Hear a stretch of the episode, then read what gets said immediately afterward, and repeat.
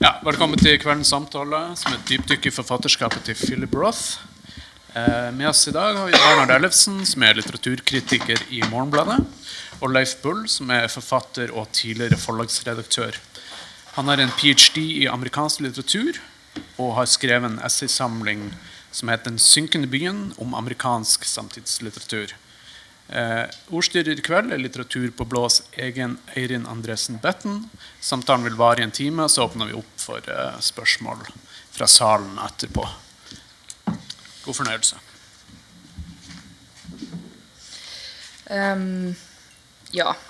Jeg, vi er jo ikke så mange her, så bare, bare tenk litt på om terskelen er jo ikke terskelen er litt lav. Så bare hvis dere har noe dere lurer på, så vær så snill, bare skriv det ned, så kan vi ta ha en liten samtale. Eller si det høyt, kanskje. Ja. Eller bare Ja, ikke sant. Det, ikke, ikke sant, det kan vi faktisk gjøre. Det går, det går faktisk an. Vi kan ta litt spørsmål underveis faktisk, ja, ja. hvis det skal være noe. Um, jeg satt um, i går og prøvde å skrive en um, liten introduksjon til i dybden Philip Ross, som jeg fant ut egentlig var litt uh, vanskelig. Uh, fordi det er så mye å ta tak i, og likevel så er veldig, det, veldig mye av det veldig um, konsekvent.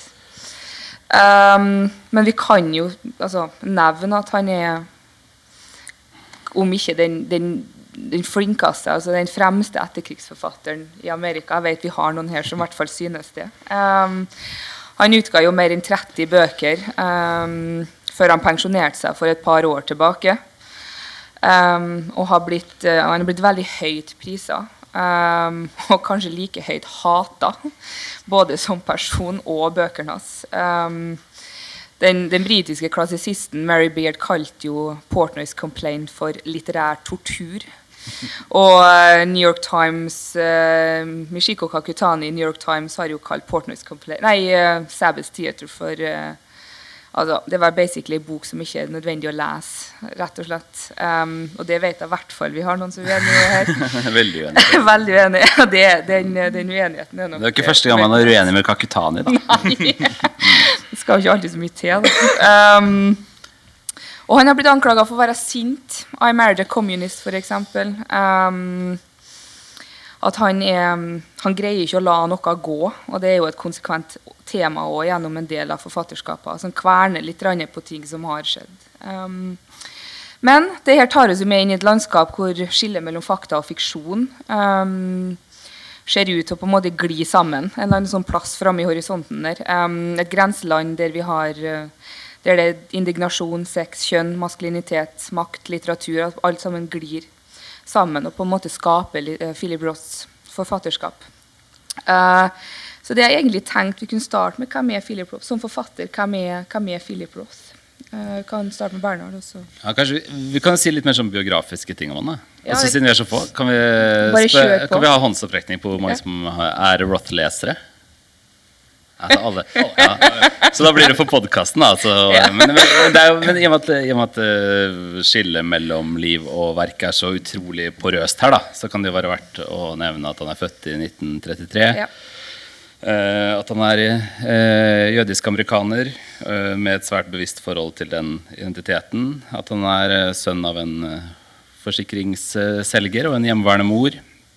At han kom fra Newark, New Jersey. da Um, og at han aldri aldri opplevde å være en ukjent forfatter. Han var berømt fra den første setningen han skrev. Han, uh, han vant sin første store litterære pris før han debuterte med en bok. Uh, han vant National Book Award for debuten.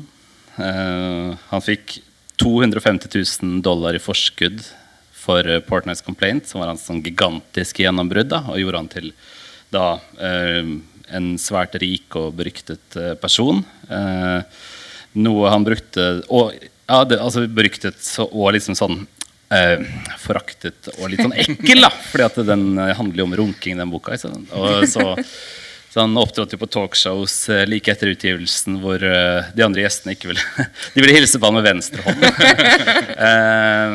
og den ble kalt for uh, one hand literature. Um, noe han brukte tiår på å fordøye egentlig, gjennom 70-tallet. Så mye av litteraturen han skrev gjennom 70-tallet, handler om det å, å få et sånt svimlende gjennombrudd. Eh, og hvor 70-tallet glir over i en sånn internasjonal orientering for han. Da begynner han å skrive noen eh, groteske bøker, egentlig. Sånn som The Breast, f.eks. En sånn Kafka-aktig fantasi. Hvor han orienterer seg mer og mer mot Øst-Europa. Og blir gjennom 80-tallet en av de fremste formidlerne av østeuropeisk litteratur i USA. Noe som eh, veldig mange går glipp av når man bare tegner han opp som en sånn død, hvit mann, bortsett fra at han ikke er død. Um, venn av Kundera og redigerte en, eh, en serie oversatt litteratur fra Øst-Europa osv. Og så og så denne scenefasen, da, som kanskje er den mest, mest oppsiktsvekkende. altså Den mest sånn spektakulære sceneproduksjonen i noe amerikansk eh, forfatterskap, hvor, eh, hvor vi kan kanskje snakke om fire-fem mesterverk etter fylte Ja. 60. da. Så, så det er vel sånn kort riss av, av hvem Roth er. Hva sier du, Leif? Har du korrigerende Nei, jeg har ikke noe korrigerende innspill her. Så det ga et veldig, veldig greit, eh, greit overblikk, egentlig, over, eh, over den banen forfatterskapet hans har uh, fulgt. Det er jo, altså Han har vel sagt skrevet 31 bøker, eller noe sånt, og det er delt opp. altså du kan Han går gjennom flere sånne tydelige faser, og det er jo ofte at disse romanene grupperes litt sammen. altså Han har, uh, han har noen uh, fortellere som går igjen. Kanskje mest kjent av dem er Nathan Zuckerman, som ses på som et slags alter ego for uh, Roth selv, og som på en måte er den veldig synlige fortelleren i uh, syv-åtte bøker, eller noe sånt. Ni, og med. Eh, så hvor han selv har en mer eller mindre aktiv rolle. Altså I noen av dem er det absolutt bøker som handler om ham, mens i andre så er det mer at han observerer folk rundt ham og deres, så han skildrer på en måte deres dramatiske fall. Eller et eller annet. Eh, Men han er i hvert fall men veldig til stede i, eh, i sine bøker. Da. Han har bl.a. skrevet som sakker, eller i, i ja, Nathan Zuckerman har absolutt skildret hvordan det er å bli beryktet ung forfatter. altså, Ja, ja. sine, altså det er også nettopp da det, hvilke konsekvenser det fikk for familielivet hans. og nettopp forholdet til. Han skriver mye om, skriver mye om fedre og sønner. eh, har han gjort. i mange forskjellige, At det ofte er et ganske eh, knotete og vanskelig forhold. Eh, men altså, det er også egentlig ganske spennende å se på hvordan forfatterskapet hans utvikler seg etter hvert som han blir eldre. For mye av det som den tidlige kranglebordenheten og kanskje et sånt ønske om nettopp å provosere og distansere seg fra farsskikkelser. Ikke bare liksom, biologiske fedre, men også kunstneriske og litterære fedre. Eh, blir etter hvert til en mye mer eh, At det blir til en mye mer sånn forsonlig og mye mer sånn hyllende eh, hyllende tilnærming til disse fedrene og denne farsgenerasjonen hans. Da, disse som på en måte, jeg kanskje kom kanskje som at de enten da var Kanskje de til og med var født i Øst-Europa og kom over til USA, eller at de var eh, på en måte de aller første amerikanerne i sin familie. Og så skjønner han jo noe når hans egen prostata ble like forvokst som eh, hans fars generasjons var. da. Eh, det er jo tydelig at liksom, idet han selv trer inn i den generasjonen, så, så vokser også hans forståelse. Ja, veldig. veldig, veldig. Det er liksom som når han blir sånn senmiddelaldrende til gammel mann. Da blir han, blir han plutselig mye mer forstående overfor disse litt gamle mennene. det er rart med det. Um, altså Ishiguro, som akkurat vant Nobels litteraturpris, um, sa i et intervju for ikke så lenge siden at det å skrive om det du vet, er det dummeste han noen gang har hørt. Eh, for det oppfordrer folk til å skrive en kjedelig selvbiografi. Um, det kan vi vel kanskje ikke si at, at stemmer med Philip Roth. For det er jo mye av det Altså den fusjoneringa mellom Philip Roth sjøl og det, de historiene han skriver, som kanskje gjør forfatterskapet hans interessant. Du må ikke nevne alle andre nobelprisvinnere når Nei. du snakker om Roth. Det ikke det, det. det, er som, det er som å strø salt i såret. Da. Stakkars Roth. Eh, Siden eh, han er den, eh, den som er styggest forbigått eh, av alle levende forfattere. Det er det er, det er selvfølgelig det, er, det jo to liksom eh, på en måte måter å tenke litteratur på, da, hvor Roth selvfølgelig tilhører den andre. Um, men likevel så um, Altså han, han tilhører jo en, eh, en generasjon forfattere. Roth er jo på langt nær alene. ikke sant? Hvor, eh, som en veldig god amerikansk kritiker som heter Morris Dickstein, har skrevet om at uh, Roth og hans generasjonsfeller på en måte utforsket sin egen subjektivitet da, for å, for å liksom, For å oppøke sin egen følsomhet for samtida. Mm. Det, det, ser man jo hvis man tenker på han i, i, i selskap med Mailer, uh, Bellow, uh, Updike, da, uh, særlig. ikke sant? At, og, og, andre forfattere, liksom, sånn som Baldwin, for eksempel, da. At det er jo en generasjon forfattere som bruker jeget til noe. og det blir, et, det blir et prisme, da. Og så er det jo for Roths vedkommende så, så, er det jo at han går liksom rett løs på identitetsspørsmål. ikke sant? Mm. Er, man kunne tenke seg at man kunne karakterisere forfatterskapet som et slags forsøk på å sette liksom, bindestreken mellom jødisk og amerikansk i en form for bevegelse. da. Eh, at det er det han bruker som en form for sånn brekkstang for å komme inn til eh, maskulinitet, til eh, sant, store amerikanske samfunnsmessige spørsmål som terrorisme eller mm eller makartisme. Eller, så, så, han berører mange sånne konkrete historiske boker, men alltid med jeget som prisme. da. Um, og det fungerer jo utrolig bra. Det er, det er, det er liksom eh, et, altså, Jeget er et, et, verktøy, da. Et middel til et mål. Uh, så det er, jo ikke, er jo ikke en kjedelig selvbiografi, men en, en måte å nærme seg verden på. Ja, da, altså, Det er jo veldig, veldig, dynamisk selvbiografi han skriver. og det er også En ting som er ganske interessant med det forfatterskapet, er nettopp altså, Blant alle disse fortellerskikkelsene til Philip Roth er det også da en forfatter som heter Philip Roth, som dukker opp i flere av bøkene hans, uh, som forteller. Uh, og, er, og, det, og de, han dukker gjerne opp i flere av de måte, mest utpreget uh, ikke-realistiske eller antirealistiske eller på en måte litt sånn postmoderne lekene bøkene hans, så er det, så er det Philip Roth som forteller. Um, tror, og, og, og, da får du ganske, en, ganske sånn interessante du får en del sånne interessante mutasjoner nettopp i, rundt, uh, rundt, dette spørsmålet om ja, identitet og dette subjektet. og sånn. Et, et av kanskje favoritteksempelet på det er i, da han skrev en bok som heter The Facts eh, i 1988, som da med undertittelen 'Novelist's Autobiography'. er det Eh, så hvor han på en måte setter seg fore han går veldig ut om at ja, nå er det Philip Roth som skal skrive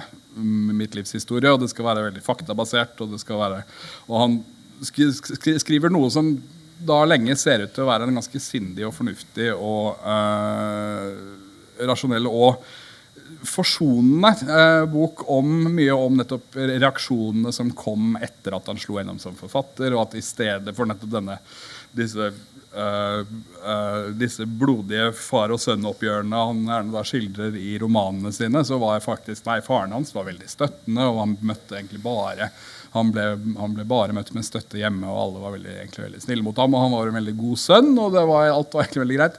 Så, Moren hans sjekket ikke avføringen hans? Nei, nei det var, liksom, dette var på en måte mye mindre hysterisk enn i romanene hans. Da. Men så da, etter at han har fortalt hele den historien, så kommer det som en epilog et brev fra Nathan Zuckerman til Philip Roth hvor, han, hvor da Nathan Zuckerman trygler ham om ikke å gi ut denne boka. Fordi dette er det mest uærlige.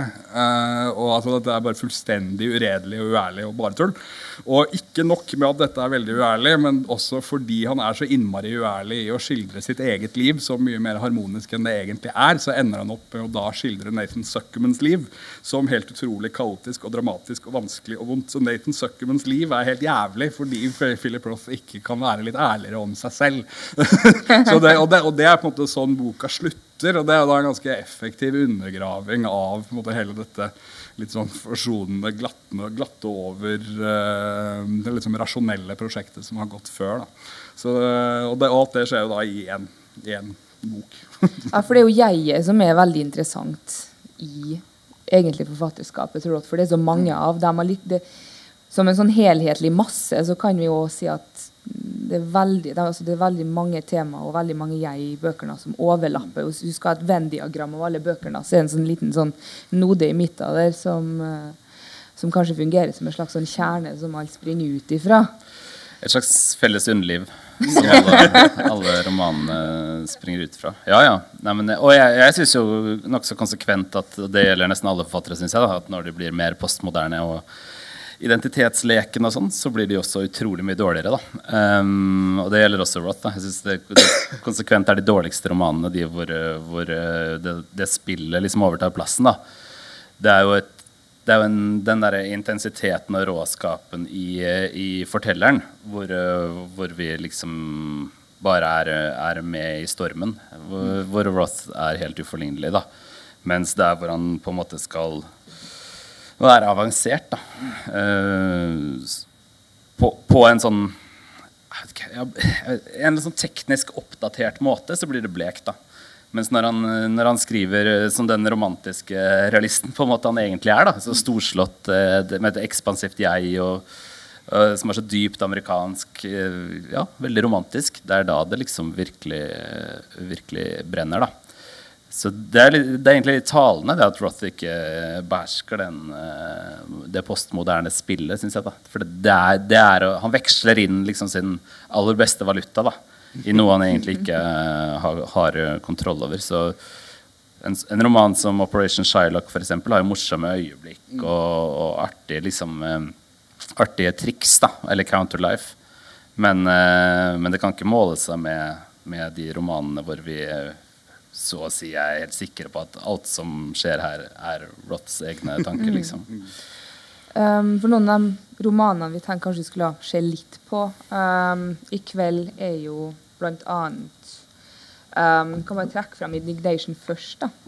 For det er um, På et punkt så sier Marcus Messner, altså hovedpersonen i 'Indignation', at um, det ordet, 'indignation', er det vakreste ordet uh, i det engelske språk.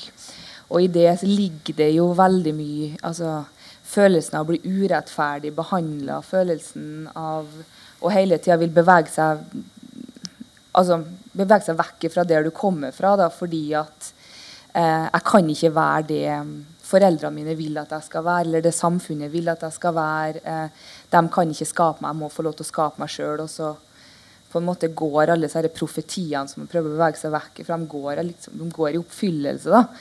Eh, inkludert det å dø som, som av, altså Hvis du leser deg gjennom hele forfatterskapet hans fra A til Å, så virker det som om veldig mange av det, det er der de ender veldig mange av, av bøkene. Eller i hvert fall alle sammen er på vei inn dit.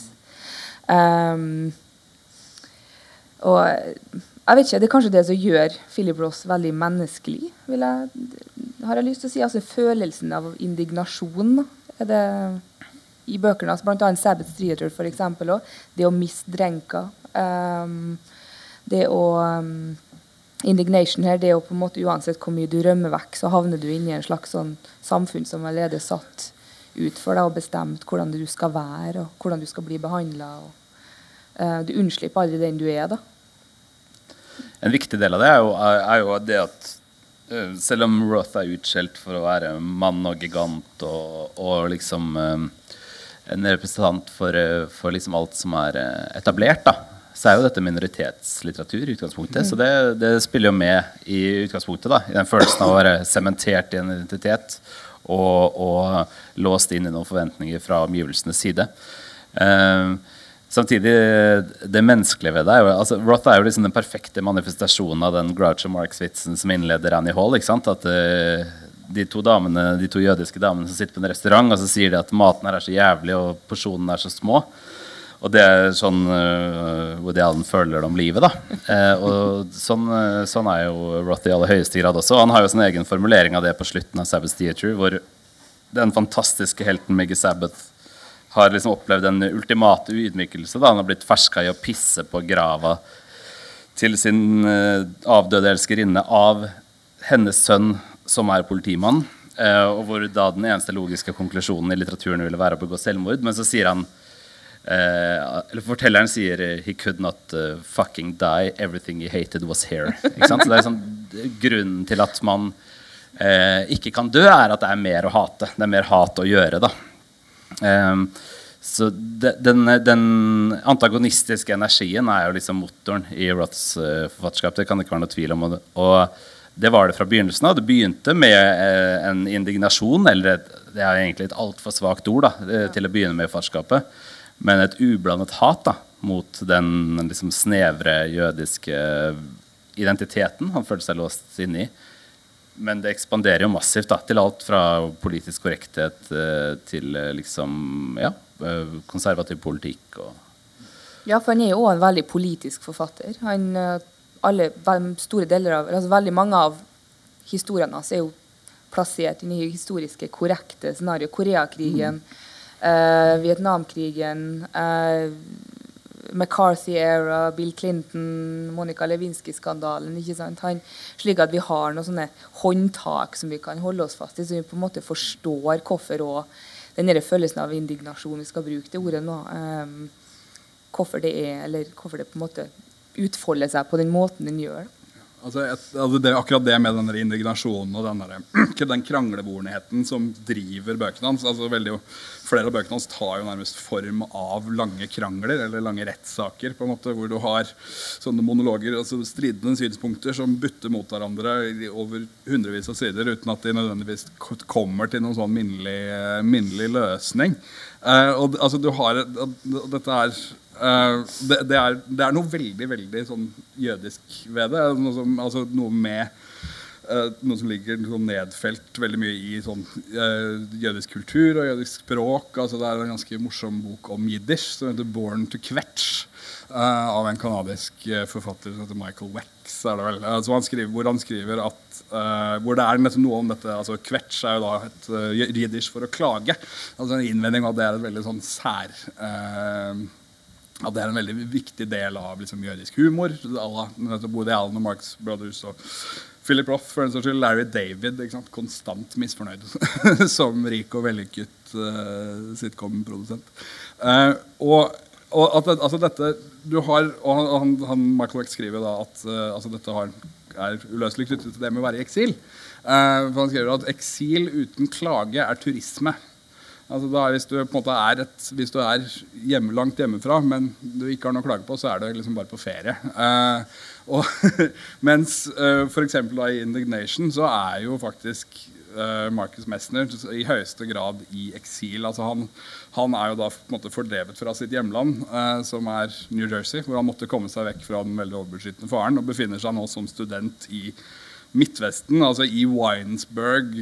Som da, altså Winesburg, Ohio er da navnet på en sånn novellesyklus av Sherwood Anderson. Og da nærmere nettopp en slags sånn ur-Midtvesten by. altså som bare, Det er liksom bare blonde kristne studenter overalt. og uh, Det er masse obligatoriske gudstjenester. og Han kunne bare ikke være mer utilpass der. og Det er nettopp den derre den der evig vandrende eksilpersonens uh, konstante stein i skoen Ja. som, som egentlig som driver, som er det der ubehaget fremover. Og dette er også noe Roth har snakket om mye før. altså I andre, et intervju med Hermione Lee i um, The Paris Review så snakker han om det der om indignasjon og liksom det som kjennetegner den jødiske romanen. Det er ikke hva den handler om. Uh, det er det bare det at den ikke holder kjeft. Altså Det er alltid, det er, liksom, det er indignasjon. Bruker, der bruker han nettopp det ordet. Det er indignasjon, det er sinne, det er nærtagenhet, det er kranglebornhet Det er liksom Disse tingene er det som driver den jødiske romanen fremover. Og det er på en måte så, det er liksom det som gjør bøkene hans jødiske. Eh, og, det, og det føler jeg ofte er nettopp veldig ofte er eh, direkte, det er en sånn direkte tilknytning til eh, ja, til at nettopp den der kvetsingen denne liksom, særlig, ja. i, i bøkene hans. Ja, jeg satt og tenkte litt på Indignation eh, og den boka. For det, det er noen år siden jeg leste den, så jeg leste den på nytt igjen nå før, um, før den samtalen her. Um, og eh, av en eller annen grunn så har jeg lest Macbeth den siste de en eller annen gang i løpet av året. Og der er det eh, skal vi se, Det er kanskje første og siste gangen jeg noen gang kommer til å sitere Shakespeare på en scene, tror jeg. Men, um, men da sier jo når Macbeth um, Spoiler for alle som ikke har lest den, men Lady Macbeth dør da på slutten. Um, og og, og, og da, da har du en liten sånn en liten tale, da, men altså Life's but a walking shadow that struts and, nei, sorry, a poor player that struts and frets his hour upon the stage and then is heard no more. It is a tale told by an idiot, full of sound and fury, signifying nothing. Um, og, og, og du får følelsen av at det er så mye, så, altså, det er så mye energi i Philip Ross sitt forfatterskap. Og I Sabbath Theater, eksempel, eller American Pastoral, eller Indignation. Men så på Og Marcus Messner dør jo i Korea. Uh, Sabbath um, jo, altså, velger jo ikke begå uh, selvmord, for det er så mye mer å hate. Uh, Everyman da er jo boka allerede altså Da er han død når boka egentlig starter. ikke sant? Um, fordi at det, det, er så masse sound and fury da i livet, men så på en måte når alt kommer til alt, så betyr det liksom ikke så mye på, på, helt på slutten. da. Uh, og det er mulig at det er ateisten i, i Philip Roth som, uh, som, finner noe her. Jeg vet ikke. Ja, Men det er også entusiasten, da, tenker jeg. Ja. Altså, øh, øh, det er jo en veldig glede ved hatet her, da. Michael Krohn ville like dette. Um, det, er, det, er, det, er, liksom noe med um, Jo, det er skrevet av en idiot, da. Men, men en ganske fabelaktig idiot. ikke sant? For det er en sånn veldig um, underveis i alle romanene så er det en sånn veldig forelskelse i, i verden. Uh, de er ekstremt taktile romaner. De er ekstremt uh, følsomme for alle verdens små liksom, materielle bestanddeler. De er dypt sentimentale. Uh, de, er, de, er, de, er, kyniske når det kommer til liksom, På strukturnivå er de kyniske. Men på mellommenneskelig nivå er de veldig sentimentale. Eh, sånn som du snakket om med far-sønn-relasjonene. Men det gjelder alle veier. Far-datter, eh, venn, venn mot venn. Altså det, eh, menneskelige relasjoner eh, er uhyre viktig. Da. Um, vi bør, burde på, vi, i, I samtalen må vi komme inn om hvorfor dette er viktig litteratur. Da. Men, men, dette er liksom noen av grunnene. Da. Jeg at det er, er en sånn veldig forelskelse i verden som, som materielle omgivelser. Um, så det, det, er liksom lett også å tenke f.eks. at det er mørke bøker. Uh, men det, det, er det ikke belegg for å hevde hvis man går ned uh, i liksom uh, det konkrete og det, det sanselige. da. I sexen, i, i gatebildene, i minnene, da. Særlig. Mer og mer.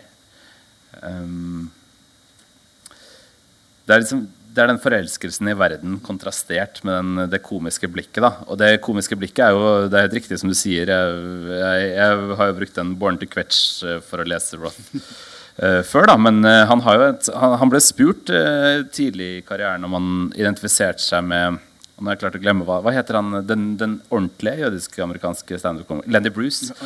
Han, han, ble spurt om han identifiserte seg med Lenny Bruce. da Eh, og da sa han at han heller identifiserte seg med en sit down comic ved navn Kafka. da Og Det er nok en riktig, en riktig, parallell, da hvis man tenker på at uh, Kafka også på strukturnivå er jo en absurdist, eller noe sånt nå, men er jo en sånn briljant og egentlig verdensforelsket realist på detaljnivå. Alle vil jo huske liksom snøen og stiene og rommene og sånn i Kafkas romaner. ikke sant? Eh, og det er den samme, samme begeistringen for, for, det umiddelbare hos Roth.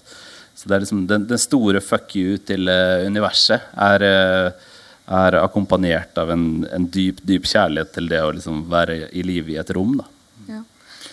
Ja, ja nei, altså den, den, livsappetitten er jo helt enorm i bøkene hans. Det gjør også at han kan skildre ja, hans beskrivelser av måte, maten som serveres på en sånn jødisk deli på Lower East Side. Og sånn, altså, får jo helt vann i munnen. og Det er, så, det, er den der appetitten. Og det er også det jeg føler, for det går jo etter hvert som bøkene hans begynner å handle mer og mer om døden, etter hvert som han blir eldre, så er det jo altså, noe jeg, noe jeg synes er et veldig fint trekk ved de bøkene, er hvor utrolig lite forsonlig innstilt de er overfor døden. Altså selv liksom, altså gamle menn som, hvor liksom døden er noe helt uunngåelig, og noe som skjer rundt dem. Alle sammen ses på. Altså det er, uh, ja, I Everyman så skriver han jo, altså der, der er det en samtale han hovedpersonen har hvor, med en annen eldre kvinne på dette pensjonist uh, dette eldre senteret, eller sånn, disse eldreboligene han har flyttet til etter hvert. Og hun beskriver liksom alderdommen som en kamp.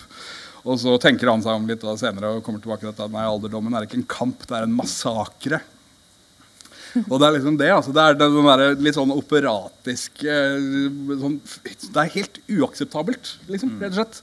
At man skal bli gammel og dø. altså Det at du skal og som Det har han for faen rett i, da. Ikke sant? Ja, ja. Det, er jo, det er jo derfor. Det er jo få det er- som har så rett Ja. i det som, som Roth har. Og da. det, og det er jo også den litt sånn ateistiske greia at han har ikke noe, det er ikke noe sånn tro på noe etterliv der. Det er liksom bare dette, dette her, og da er det fullstendig uakseptabelt. Og det er liksom, og med Mickey Sabbath i Sabbath Theater, han snakker jo om hvor, hvor kjedelig det er å være død.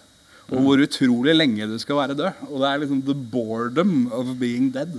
Det, det, er måte, det, er liksom, det er på en måte det som er helt uakseptabelt for han. Og det er liksom det han blir han, skal, han får nok tid til å kjede seg snart. Men liksom, så lenge han er her, så skal han bare gjøre akkurat som han vil. Og han har litt sånn Alistair Crowley, litt nærmest en sånn Do what thou wilt shall be the whole of the law-innstilling til uh, livet. At liksom, He wanted to do what he wanted to do, uh, heter det i Sabbath Theater. Og det er liksom det han lar seg Han gjør ting som er moralsk helt feil hele tiden, men det er det han har lyst til, så da gjør han det. Og det er, uh, Så lenge han er i live, så skal han fortsette med å gjøre det. Han liksom nekter å bremse. Da. Kan vi snakke litt om det med, med, med døden og hvordan han behandler det? da? For, eh, har, dere har sikkert Everyman uh, Ja, ja. liggende her. Eh, det, det, han, er utrolig eh, opptatt av at døden er uh, intethet. ikke sant? Uh, så samtidig som han hele tiden leker med at alle våre måter å tenke om det på nødvendigvis vil bli metaforiske. da. For at vi klarer ikke å unngå å liksom etablere en sånn vet ikke om jeg husker den, eh, den uh, sexscenen fra Annie Hall igjen, da, hvor, eh, hvor um, Annie ikke røyker før de skal ligge Ja. sammen. Og så, så går hun ut av kroppen og så blir hun sittende ved siden av og se på i en sånn halvt skyggelignende eh, skikkelse. Det er jo sånn, eh, sånn vi nødvendigvis tenker på vår egen død. ikke sant? Det er sånn som Freud beskriver også hvordan vi tenker på vår egen død. Eh, og det er noe han i så mange bøker som du påpeker, da, eh, leker med da, eh, og eh, viser seg var for. Eh, og også morsom rundt, syns jeg. da eh, Og særlig slutten på Everyman. Eh, de som har lest den, vil vite at det er jo da en manns eh, livshistorie. Eh, fortalt litt med samme grep som f.eks. Stoner.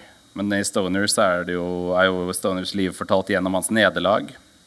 I Everyman så er den fortalt gjennom heltens sykdomshistorie. da så hele livet hans bare sveiper forbi, eh, med unntak av de gangene han er alvorlig syk. Det er da liksom fortellingen zoomer inn. Og så går det 20 år of good health, som det står. Eh, hvor liksom døden har trukket seg tilbake til fløyene, sidefløyene av livet.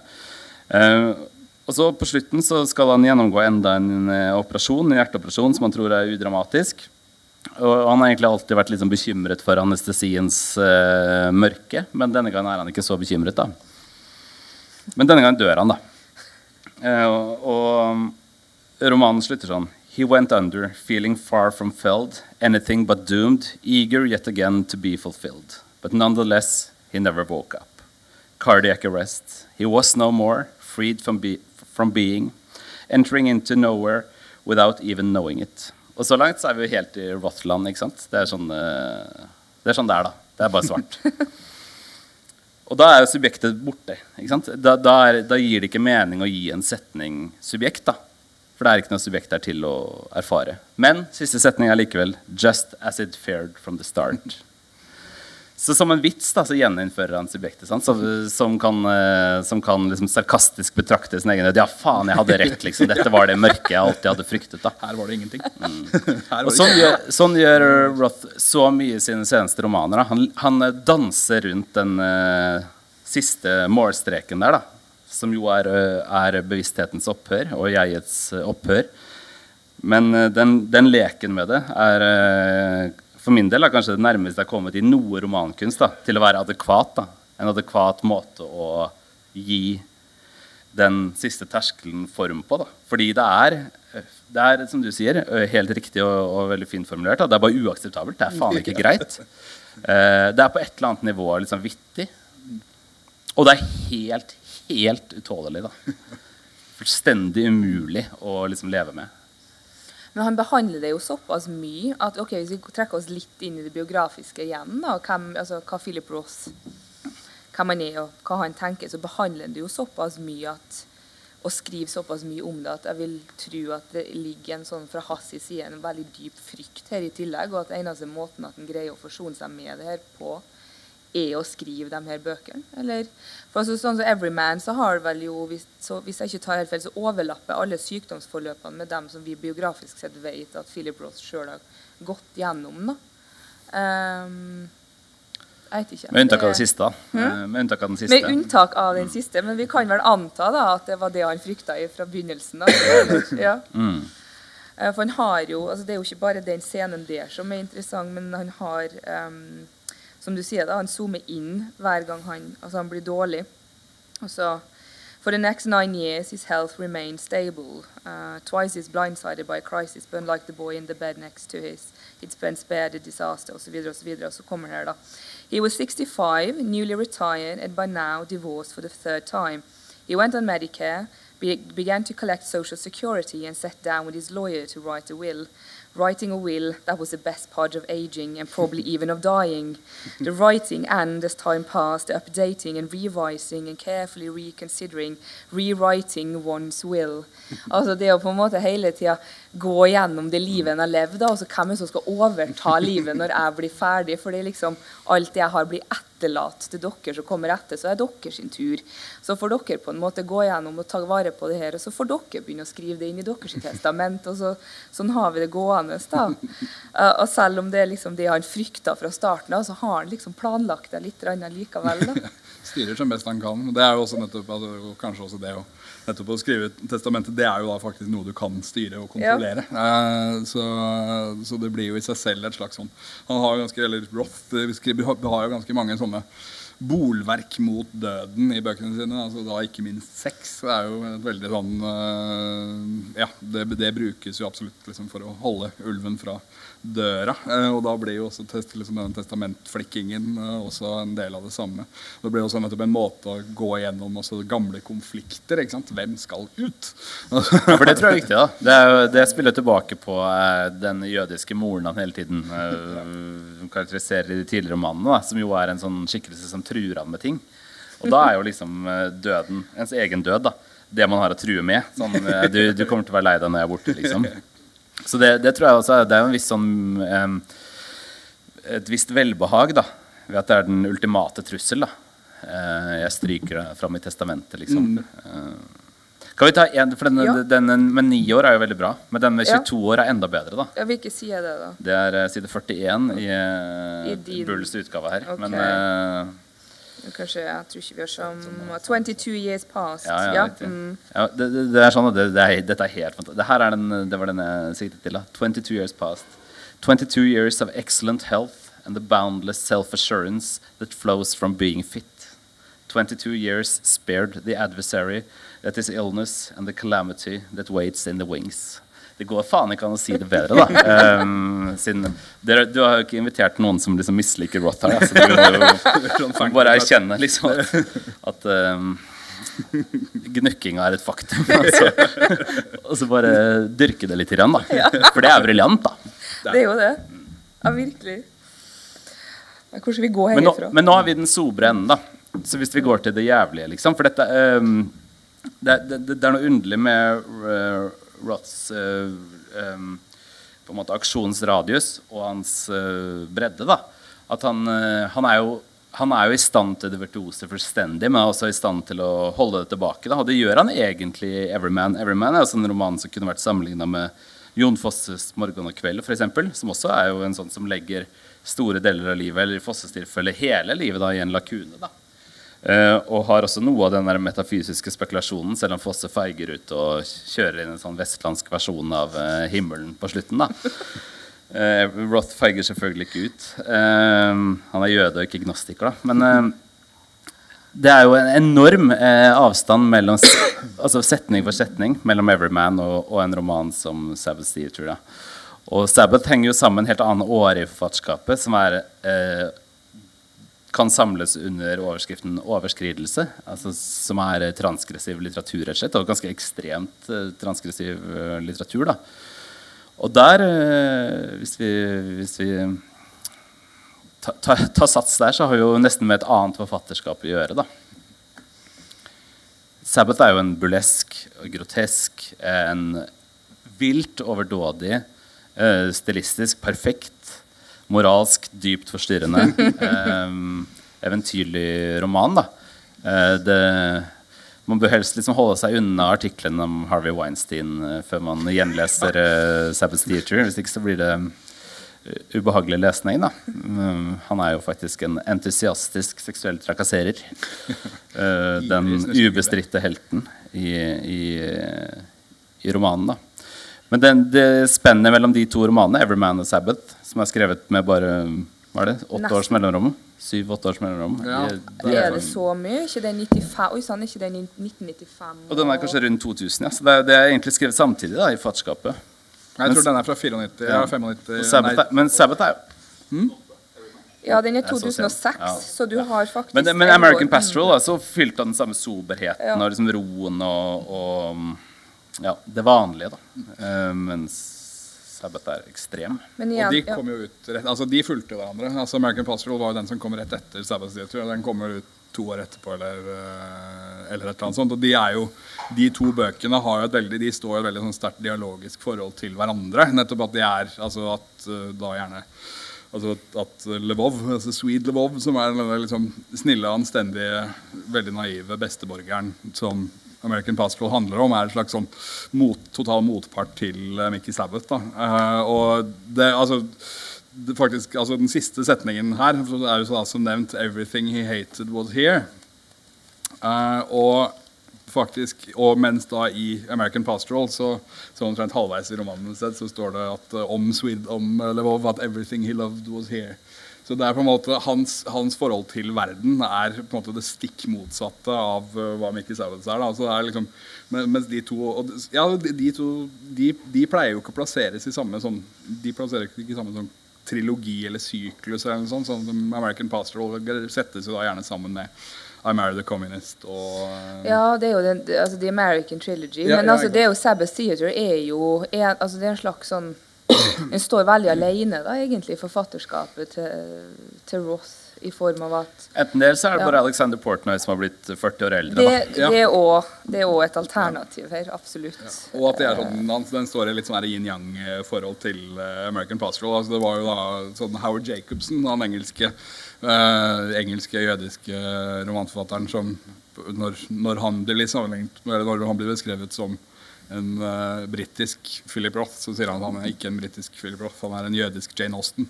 Og Det er i seg selv en veldig bra sånn kvetsjeinnvending, syns jeg.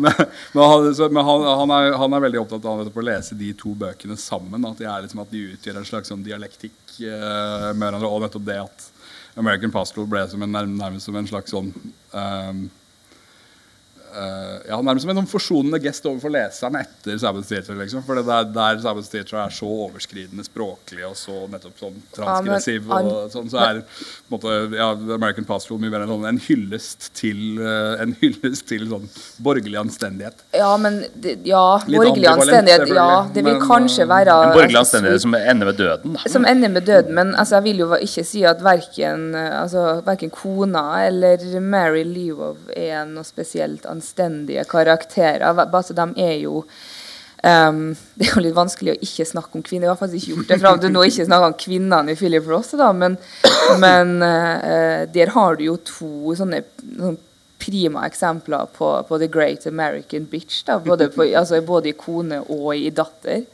Uh, og dem er det jo ganske mange av i forfatterskapet. Altså ikke minst både altså, um, kone og, og stedatter i, eh, i I Married a Communist i tillegg. Um, så, ja, og det, men også American Pastoral, det som er, det som er Derfor jeg syns det er litt problematisk å sette inn i sammenheng med Sabbath Theater, er jo fordi at først er jo en Suckerman-roman, og for det andre så er jo hele historia om, om The Swede um, konstruert uh, av Suckerman etter at han traff på en gammel klassekamerat. Så vi har jo ikke noe Selv om den er satt i, eh, i eh, hva er det, hvor- 1905 1960-tallet? 1950-tallet?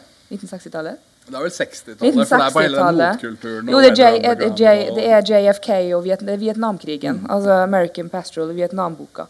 Um, og, og det er på en måte den boka blir plassert inni Hvis vi skal kategorisere det, inni de bøkene til Philip Ross der han rekonstruerer historier for å um, jeg vet ikke, for å, for å, hylle dem han liker, og for å på en måte trekke, kanskje, trekke litt sånn negative aspekter ved dem han, han ikke synes så veldig mye om igjen. da. Um, de, de, de, The American Trilogy kom jo også, ble jo også skrevet i en periode da han var gift med, med Claire Bloom, ikke sant? som um, som igjen er problematisk med tanke på American Communist. Da.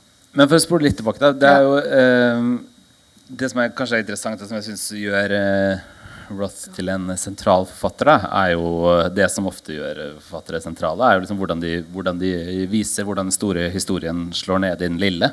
Altså hvordan den store psykologien eh, er eh, avgjørende og betingende for den lille psykologien osv. Og det, det er jo et eksempel, altså American Pastoral er et eksempel. Plot Against America et annet. På hvordan han utforsker konsekvensene av store politiske hendelser på liksom enkeltmenneskenivået. da. Eh, noe som høres banalt ut, men hvis man eh, jo faktisk får det til, som eh, liksom eh, Nina Skåtøys pistolskudd er et annet briljant eksempel på. Altså, de, de, mange av de mest minneverdige eksemplene fra samtidslitteraturen scenene fra samtidslitteraturen er nettopp scener hvor stor historie møter liten historie. da. Og Det er noe, noe, som er helt konsekvent i Roths forfatterskap. Han, han, hans fremste kjennetegn har fra begynnelsen av vært en sånn total mangel på kulturell berøringsangst. Uh, det en, og det har han jo lært av Sol Bello. Altså det, hvis det er én måte Philip Roth er Sol Bellos litterære sønn på, så er det at The Adventures of Augie March uh, var den ene romanen som liksom åpnet uh, det høylitterære rommet for uh, verden da, I, den, I, den, amerikanske litteraturen. Fram til uh, The Adventures of Oggy March så var det to separate litterære tradisjoner i USA. Den ene var James-tradisjonen, på en måte. Den andre var uh, den sosialrealistiske, kan vi kalle det. Um, og, og Bello giftet de to. da. Og det er vel tror jeg, godt belegg for å hevde at Roth var den som liksom brakte det til en form for sånn perfeksjon. da. At, at litteraturen skal romme alle de erfaringene man har som liksom borger i, i, i samfunnet. Da. Og han, han, har hele tiden vært villig da, til å veve inn de eh, store politiske og sosiale og, og kulturelle omveltningene som har foregått rundt han. Han har uh, latt de angå og plage sine romanhelter. Han har uh, stilt spørsmål ved dem. Han har gått, vendt tilbake til dem. Sent i farskapet så handler det om bakartisme, om, øh, om øh, antisemittisme på 40-tallet, om øh, polio osv. Men han, han har alltid hatt en sånn utrolig sterk interesse for hva store ting gjør med vanlige mennesker. da. Og det vil være min påstand at altså, grunnen, til at, grunnen til at farskap er sentralt, grunnen til at han burde fått Nobelprisen, da, for å si det jævlig enkelt, er, er at han er Eh, den, i, den levende forfatteren jeg har lest, som gjør det aller, aller best. Uh, og som gjør det med størst konsekvens for, for leseren. Det, det, det, angår oss uvegelig da, uh, når vi leser han. Og der er jo American Pastoral eksempel, med hvordan Students for a Democratic Society og den bevegelsen mm. slår inn i Sweet Levovs liv, er et prima eksempel da, på, på hva det store og det lille ja, han har jo den, den slående scenen der um, Mary Levo was the uh, uh, was the, the, the the girl that ended the Vietnam War by blowing up uh, a, a post office with a, with a man who um, was out posting a letter at five in the morning. Et eller annet sånt som det er, ikke sant? Um, og som du sier, da, den lille historien i den, i den veldig store. da, og det er um, er konsekvensene og ikke minst dominoeffekten og hva veldig små handlinger har, eller ringvirkningene av, av veldig små ting kan ha for, for, um, for, storheten eller for samfunnet i sin, sin helhet. å si. Um, og Det er jo det kanskje som er litt interessant igjen med denne what if-litteraturen. altså Hva skjer hvis jeg flipper historier på hodet, sånn som man gjør i Plot Against America? da? Hva har skjedd med oss, hva har skjedd med min familie, min jødiske familie i New York? har Lindeberg istedenfor Roosevelt blitt valgt til president. Uh, og det er jo en sånn interessant twist. For han har vel nevnt i et intervju at hver gang han skriver et eller annet, så må han på, altså, tippe litt på hodet og tenke liksom, ok, hva har skjedd hvis jeg har gjort, gjort det omvendt. da? Eh, og Det er kanskje derfor han nå er litt sånn, hvis vi skal bruke ordet politisk ukorrekt her, da, i, i en del av romanene sine. For hva skjer egentlig med, med meg eller forfatterskapet mitt eller med bøkene hvis jeg faktisk bare gjør det omvendte av det som er normativt? da. Og da, får du, da ender du opp med Mikke Sæbøs. Mm.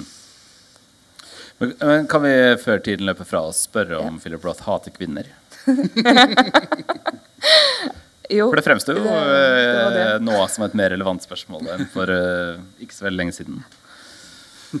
Hvem skal starte? Skal jeg kan stille spørsmålet, så Du kan, kan dere, svar. dere forsøke å svare. Um, jeg har lyst til å si delvis ja.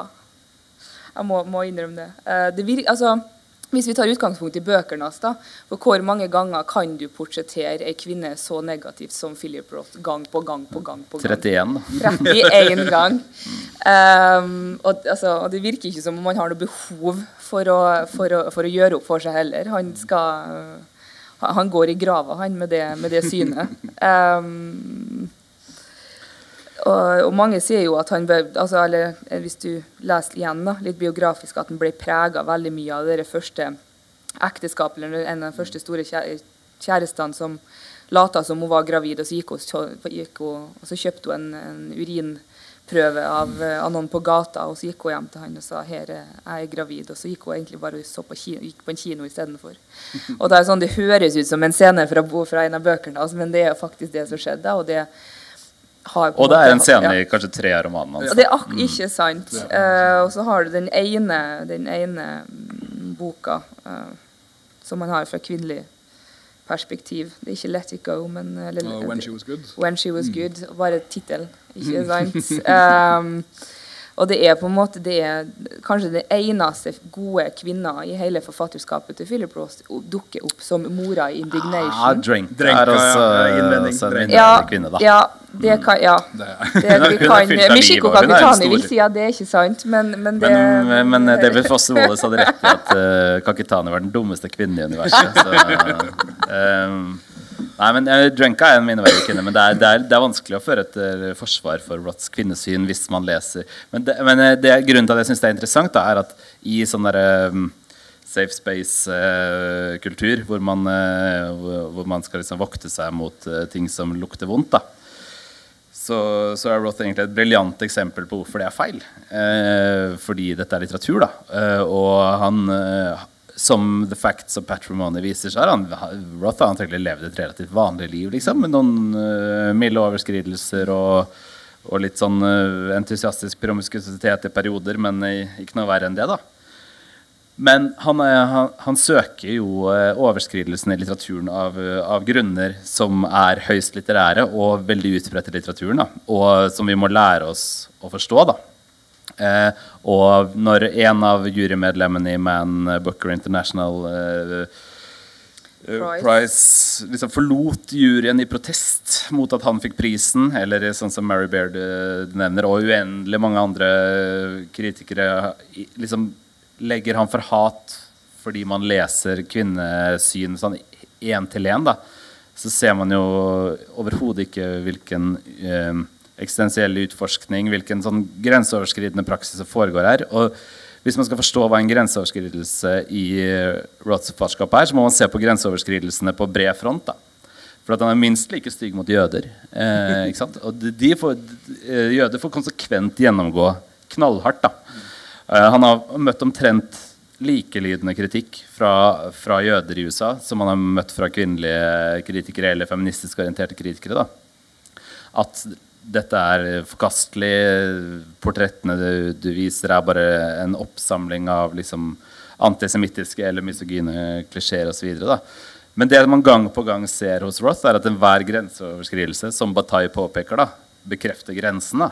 Det er jo en, en veldig veldig interessant liksom, dynamikk som foregår rundt grensene i Roths farskap. Hvis man ser, sånn jeg har forsøkt å lese, er at man liksom tar grenser helt bokstavelig. Hvis man tenker på hva en grense er i farskap, så må man ta det helt bokstavelig. Som en topografisk grense. da. Hva, og hva er det som foregår? En grense finnes ikke før man overskrider den. Da, ikke sant? Det, Vi skulle jo sett uh, det lille klippet fra den episoden av Girls her egentlig akkurat nå. De, hvis det er noen her som har sett den.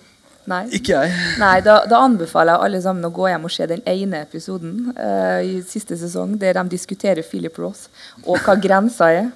Og, og mannlige forfattere som begår uh, Er de oppreist på Batai? Og, og mannlige forfattere. Ja, men Så det, mannlige det, er forfattere, det, det er ikke den behagelige konteksten å sette det i. da. Eh, men dette er litteratur igjen, da. Og poenget må være, da Det er det jeg tror Roth driver med, er at en grense syns ikke før du tråkker over den. Hvis du, hvis du, hvis du går i et landskap, eh, så, så syns ikke grensen. Men eh, immigrasjonsmyndighetene kommer i det du tråkker over. da.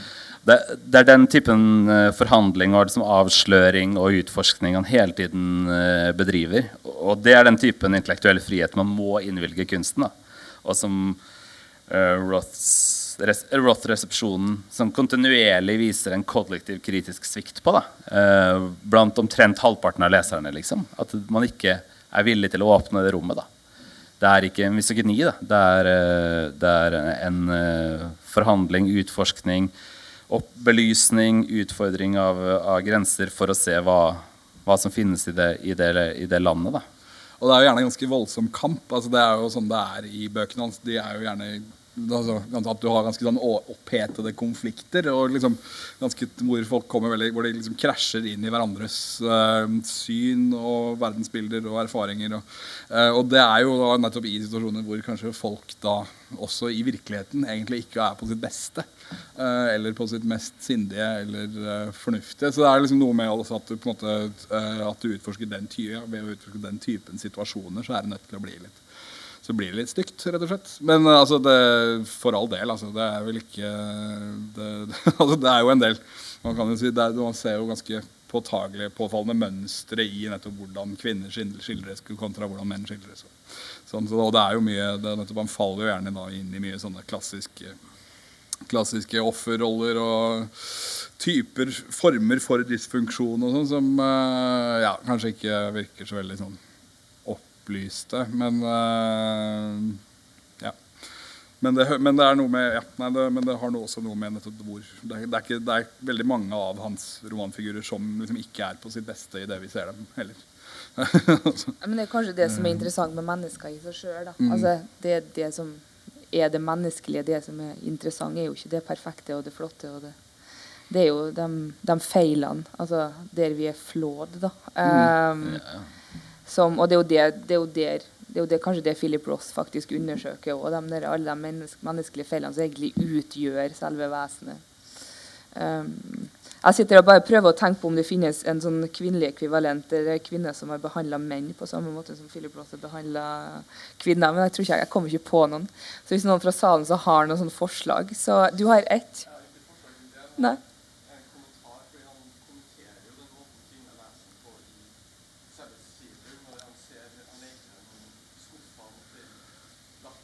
Ja.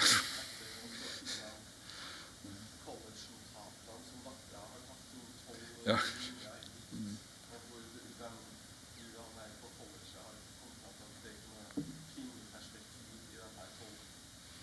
Ja, det stemmer. De leser Yates, og så er det klager de over liksom fallosentrisk eh, I en scene hvor han leter etter undertøy og Ja, er ikke sant. Eh, som jo må karakteriseres som en uh, forbilledlig ironisk metakommentar. vel å da. nevnes.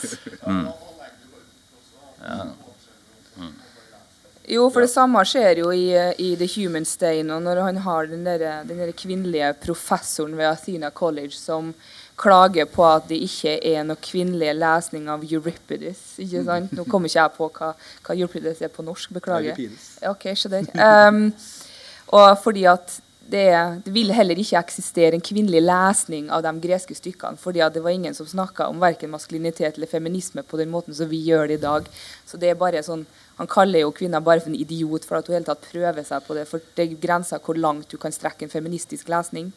Og det mm, har han jo kanskje litt rett i akkurat her. ja, Og så kan Hvis jeg går an å vende tilbake til det poenget som jeg gjorde innledningsvis da.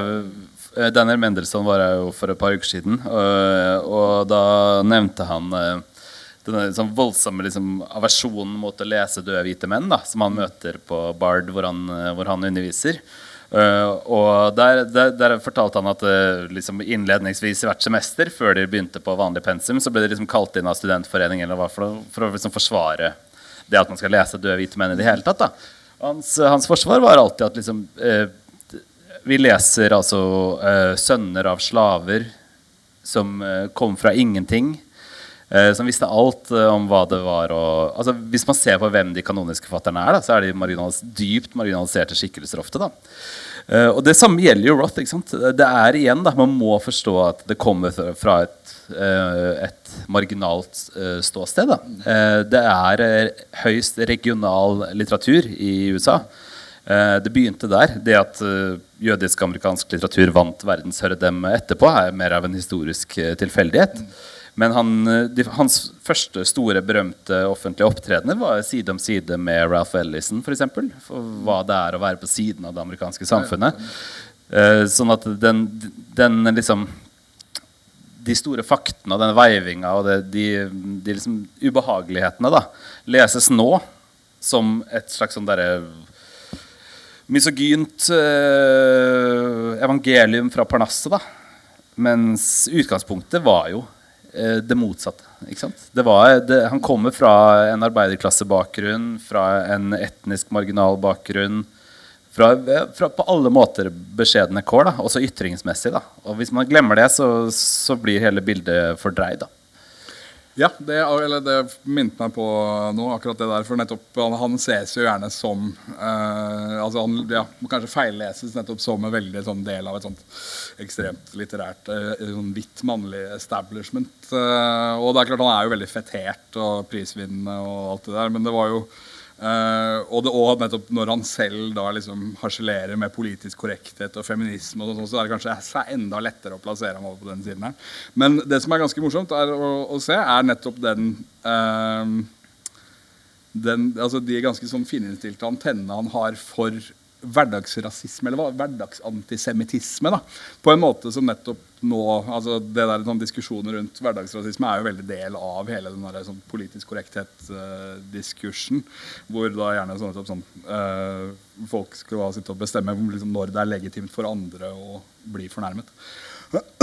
og har jo i Det er vel i er det i Counterlife, tror jeg, på slutten her, hvor, altså, hvor, nettopp, hvor det sitter sånn da i England. for Han har jo en litt sånn gjennomgående greie om at i England så er det en sånn antisemittisme som ligger og bobler like under overflaten hele tiden. Og det er da hvor han, hvor han sitter i liksom en restaurant også, med kona si, og så overhører han en sånn full, litt sånn aristokratisk engelsk dame som liksom uttrykker på en måte er liksom motbydelig at de to sitter der sammen. Og, og han, han plukker med en gang opp dette her og blir kjempesur og liksom helt rasende og liksom går over og truer med å få henne kasta ut. og sånn, Mens da kona og de andre, andre han er sammen med, prøver liksom å glatte over og tenke at nei, nei, det er ingenting. Hun er bare full. Hun mente ikke. Det er ikke noe med det. det, altså det der, du kan si he, Hele tiden, eller Bøkene hans er fulle av eh, protestanter som lurer på hvorfor hovedpersonen hans hele tiden tar opp det med å være jøde. Liksom sånn, ja, hva, har dette med å være jøde å gjøre? Liksom? Hvorfor, hvor tar du dette herfra? Altså, det er en sånn type egentlig sånn identitetspolitikk hvor han faktisk er ganske sånn på linje med veldig mange som i ute, som nå, da, kanskje litt sånn yngre lesere nå ved amerikanske colleger sånn, vil se han som en slags uh, fiende eller en slags sånn uh, ja, de står i en sånn naturlig opposisjon til ham. Men egentlig så kommer de fra ganske like steder. Og det er også noe han faktisk problematiserer i forfatterskapet sitt. Ja, Good note to end on. ikke sant? Eh, Men uh, men uh, spørsmål fra salen? Om noen som har tenkt på noe? Ja?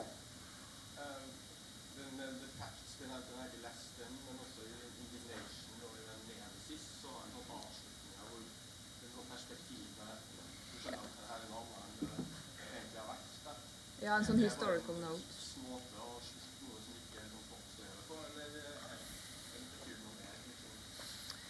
Eh, ja, han har, en sak, han har jo en sånn historical notes. Hadde han det i Nemesis òg, i den polio-boka?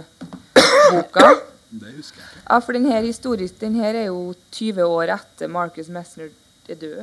Uh, men betydninga av den um, er ikke helt det. Akkurat det er ikke, faktisk ikke helt Men han dør, gjør han ikke? Og så forteller Jo, jo. han fra The Void? Hvis Ja. ikke, Fra The. Void, ja. det er det du tenker på? Ja. Ja. Jeg syns det, synes det er eh, fikse kollapser. ja. altså, det, jeg syns det er tull, da. Jeg syns det er feiger ut. At det er tull. jeg Særlig, særlig The Facts, da. Ja, Så jeg- syns jeg det er tull. Eh, Det er sånn at Han turte ikke gjøre det helt likevel. Så derfor må man legge på en sånn eh, Ja, et, et postmoderne lag utenpå for at ikke Paul Auster skal skrive en sine artikler. Det kan jo ha ja, det syns jeg, det synes jeg er bleik, da. Det er, det er når han er romantisk og står for det han skriver, da, enkelt sagt, at jeg syns det funker. da så nettopp det, altså, Sånn som Operation Shylock, da, som jeg, som jeg syns er, en genuint svak roman. da den, eh, og egentlig til dels Countlife, men den, har- den skinner i øyeblikk, da, som gjør at den fortjener å leses likevel. da Men, eh, men som, som eh, romaner så, så feiler de nettopp fordi det, det ligger et, sånt, et forbehold der. da uh, Om at uh, vi ikke skal tro på det, liksom. Eh, mens dette er, og det kan fungere hos andre forfattere, selvfølgelig. Men, eh, men dette er et, eh, et forfatterskap jeg mener er liksom tuftet på at vi skal tro på det. Eh, så, så dermed Ja, jeg syns det er fikst. fikst og feil. Jo, nei, jeg, jeg tenker litt på den historiske fotnoten her til indignation. At det er å, en måte å forklare um, uh, forandring på. da. Um, at selv om noe ender, selv om Marcus Messner ender, så er litt sånn samme som testamentet vi snakker om. At det er på en måte den også den futile greia om at eh, vi har en sånn gjennomsnittlig 80 år på den planeten her, og så er det på en måte masse som skjer i etterkant, og det spiller ikke hvor masse sånn full of sound and fury vi er, da, men det er en slags sånn det er et eller annet historisk som vil skje etter vi er ferdige. Og så uansett hvor mye vi legger inn i livet, så em, så vil vi på en måte ikke, vi vil heller ikke oppnå alt det vi, vi, vi ønsker den lille tida vi har. Og så, så, fort vi er, så fort vi er bort, så vil så skjer liksom forandringer. Det er mulig at det kan ligge noe der, da, at igjen at det er noe romantisk av Ross. At han Det er en slags måte å even the score på her, da. Eh, muligens. Han, ja, ja, han kjemper imot. Altså, og det er jo liksom, Hva er den eneste litterære måten å kjempe mot døden på? Det er å hevde seg selv igjen og Ja. igjen. da. Det er, den eneste, det er det eneste verktøyet. Og i det, i han eh, tar de forbeholdene som du nevner, da, så, så svekkes jo den liksom, selvhevdelsen. da. Men det er jo, å etablere et jeg er det eneste våpenet man har mot døden. da. Og det har jo Philip Ross gjort, så til de grader. Absolutt. opptil flere, Opptil flere. er det noen flere spørsmål? Ja.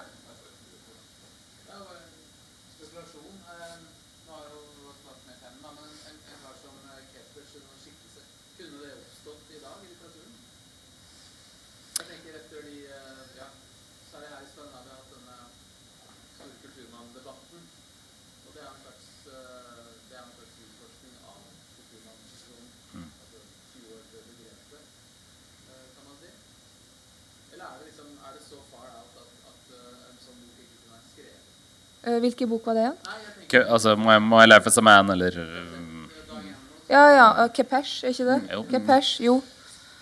Um, ikke Det finnes jo en formidabel Kepesh-skikkelse i norsk eh, litteratur. da Arnold Busk fra Vidis Hjorts Om bare. Han er jo så å si én til én David Kepesh.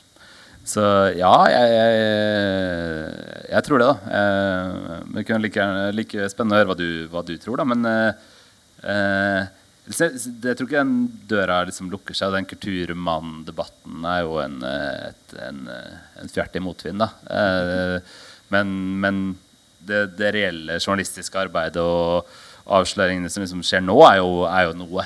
Det er jo ekte, i motsetning til den kulturmann-greiene. så jeg, jeg syns det er interessant faktisk også å føre, føre metoo-spørsmålet inn i, inn i Sabbath Teacher. Det, det er ikke bare avklarte svar det gir. Eh, det, er, det, det fester seg et visst ubehag til å, å gjøre, gjøre en sånn en sånn gris til eksistensiell helt, da. For det er jo det han er. Eh, det, det, ligger liksom Jeg skjønner ikke hva jeg mener, men det er liksom, I romanens etos da, så er det også noe eh, i Sabbath eh, I dens etos så er det noe som eh, udelt hyller Sabbath. da. Vi, vi, vi skjønner at han er en umoralsk skikkelse, og sånt, og så et spill, ja, ja, vi, gjør- det er greit. Men han er en helt. Og det er et visst ubehag knytta til jeg, jeg, jeg er ikke helt komfortabel med det, liksom. Eh, hva tenker du?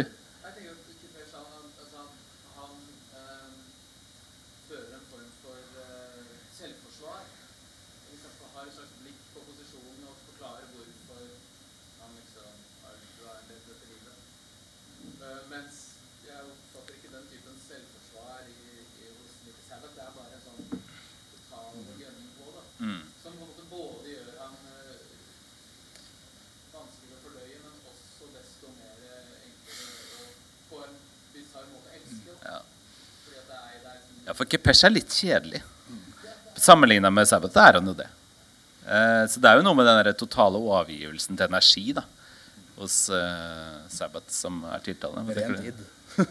Jo, ja, men, ja, ja, ja, men det er rent id på en måte. da Fullt opplest på Shakespeare. da Som er den typen rent id man kan like. da Men eh, det, det, det er jo noe som går tapt i den altså Hvis vi tenker på Kepesh og Sabbath som uh, liksom punkter på et slags sånn spektrum, da så er det noe som går tapt ved de forbeholdene eller en metarefleksjon eller det selvforsvaret som dette som den historien med hun kona jo utgjør. da For der er det en sånn som du var inne på, det er en slags opprinnelseshistorie til alt det her Ja, agget. da ja, vi- Eh, Men Sabbath har jo ikke det. Det er jo bare eh, det er, jo Som du var inne på, liksom, det er bare ren, egentlig sånn ren hedonisme. da Ja, men jeg tenker altså, altså både- Både Sabbath og, og Kepesh, da, altså når jeg leser de romanene, så glem, altså Det greier ikke jeg å tenke at det her egentlig er ekte menn. da, At det her er kulturmann. de Det er litt er- lettere å tenke nå, da. Ja, ikke sant? For ikke liksom tre, tre ja, måneder siden. Ja, men det er et eller annet med sånn som Dying Animal, eksempel. Han har jo den eleven som, som kommer hjem til seg og skal få puppene sine fotografert fordi at hun har fått Mm. kreft.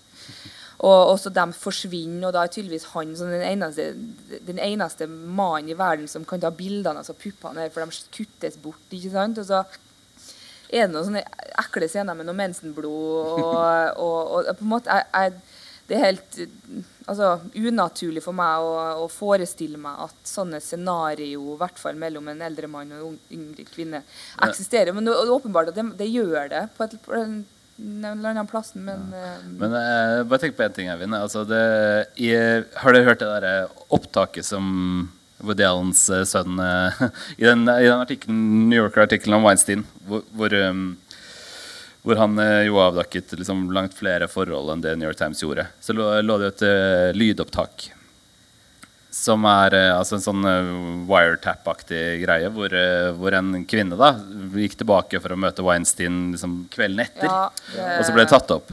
Og det minner meg veldig om eh, den eh, mest berømte sitatet kanskje Roth eh, har, da, hvor, hvor han på 60-tallet skrev at liksom, virkeligheten overgår forfatteres fantasi til enhver tid. da. Eh, og det er noe med det at Roth har hele tiden vært en sånn det, det, det var en påstand fra hans side, men så har han liksom brukt 40 år på å motbevise den. da, At han er på høyden med virkeligheten ikke sant, som forfatter.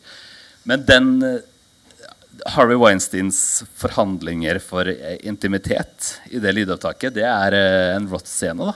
Eh, og eh, det er jo en ubehagelig ting å tenke på. Liksom. For det, det kunne Roth ha skrevet. Da. Det er en helt fabelaktig litterær scene og en dypt dypt ubehagelig eh, journalistisk rapport. ikke sant? Eh, så det, det ligger et sånn Det ligger et eller annet smertepunkt der. da. Det, jeg tror ikke, jeg tror ikke liksom det lar seg helt kimse bort med kunstens autonomi. eller, um, sånn da. Det er, noe, det er noe når man hører f.eks. det opptaket. da, eh, så er det som sier eh, ok, greit, det virker eh, kanskje for spektakulært, eller sånn, men det er ikke det. liksom. Bare hør på, bare hør på Harvey Weinstein. da. Det er jo Åpenbart jeg skal helt gjøre når jeg går hjem. nå, liksom. Om jeg på Weinstein-opptak. Ja, ja. Blir enda mer forstyrra. Um, flere spørsmål? Vi avslutter med Weinstein. da. Vi starta med Ross og avslutter med Weinstein. Det er, det, er, det er ikke det dummeste stedet å Nei, avslutte. det- Nei, avslutte. Men, men det må avsluttes med et spørsmålstegn etterpå, da, og ikke med et punktum. Ja, eh, det blir open ending. Uh, ja, vi kan, vi kan gjøre det. Takk.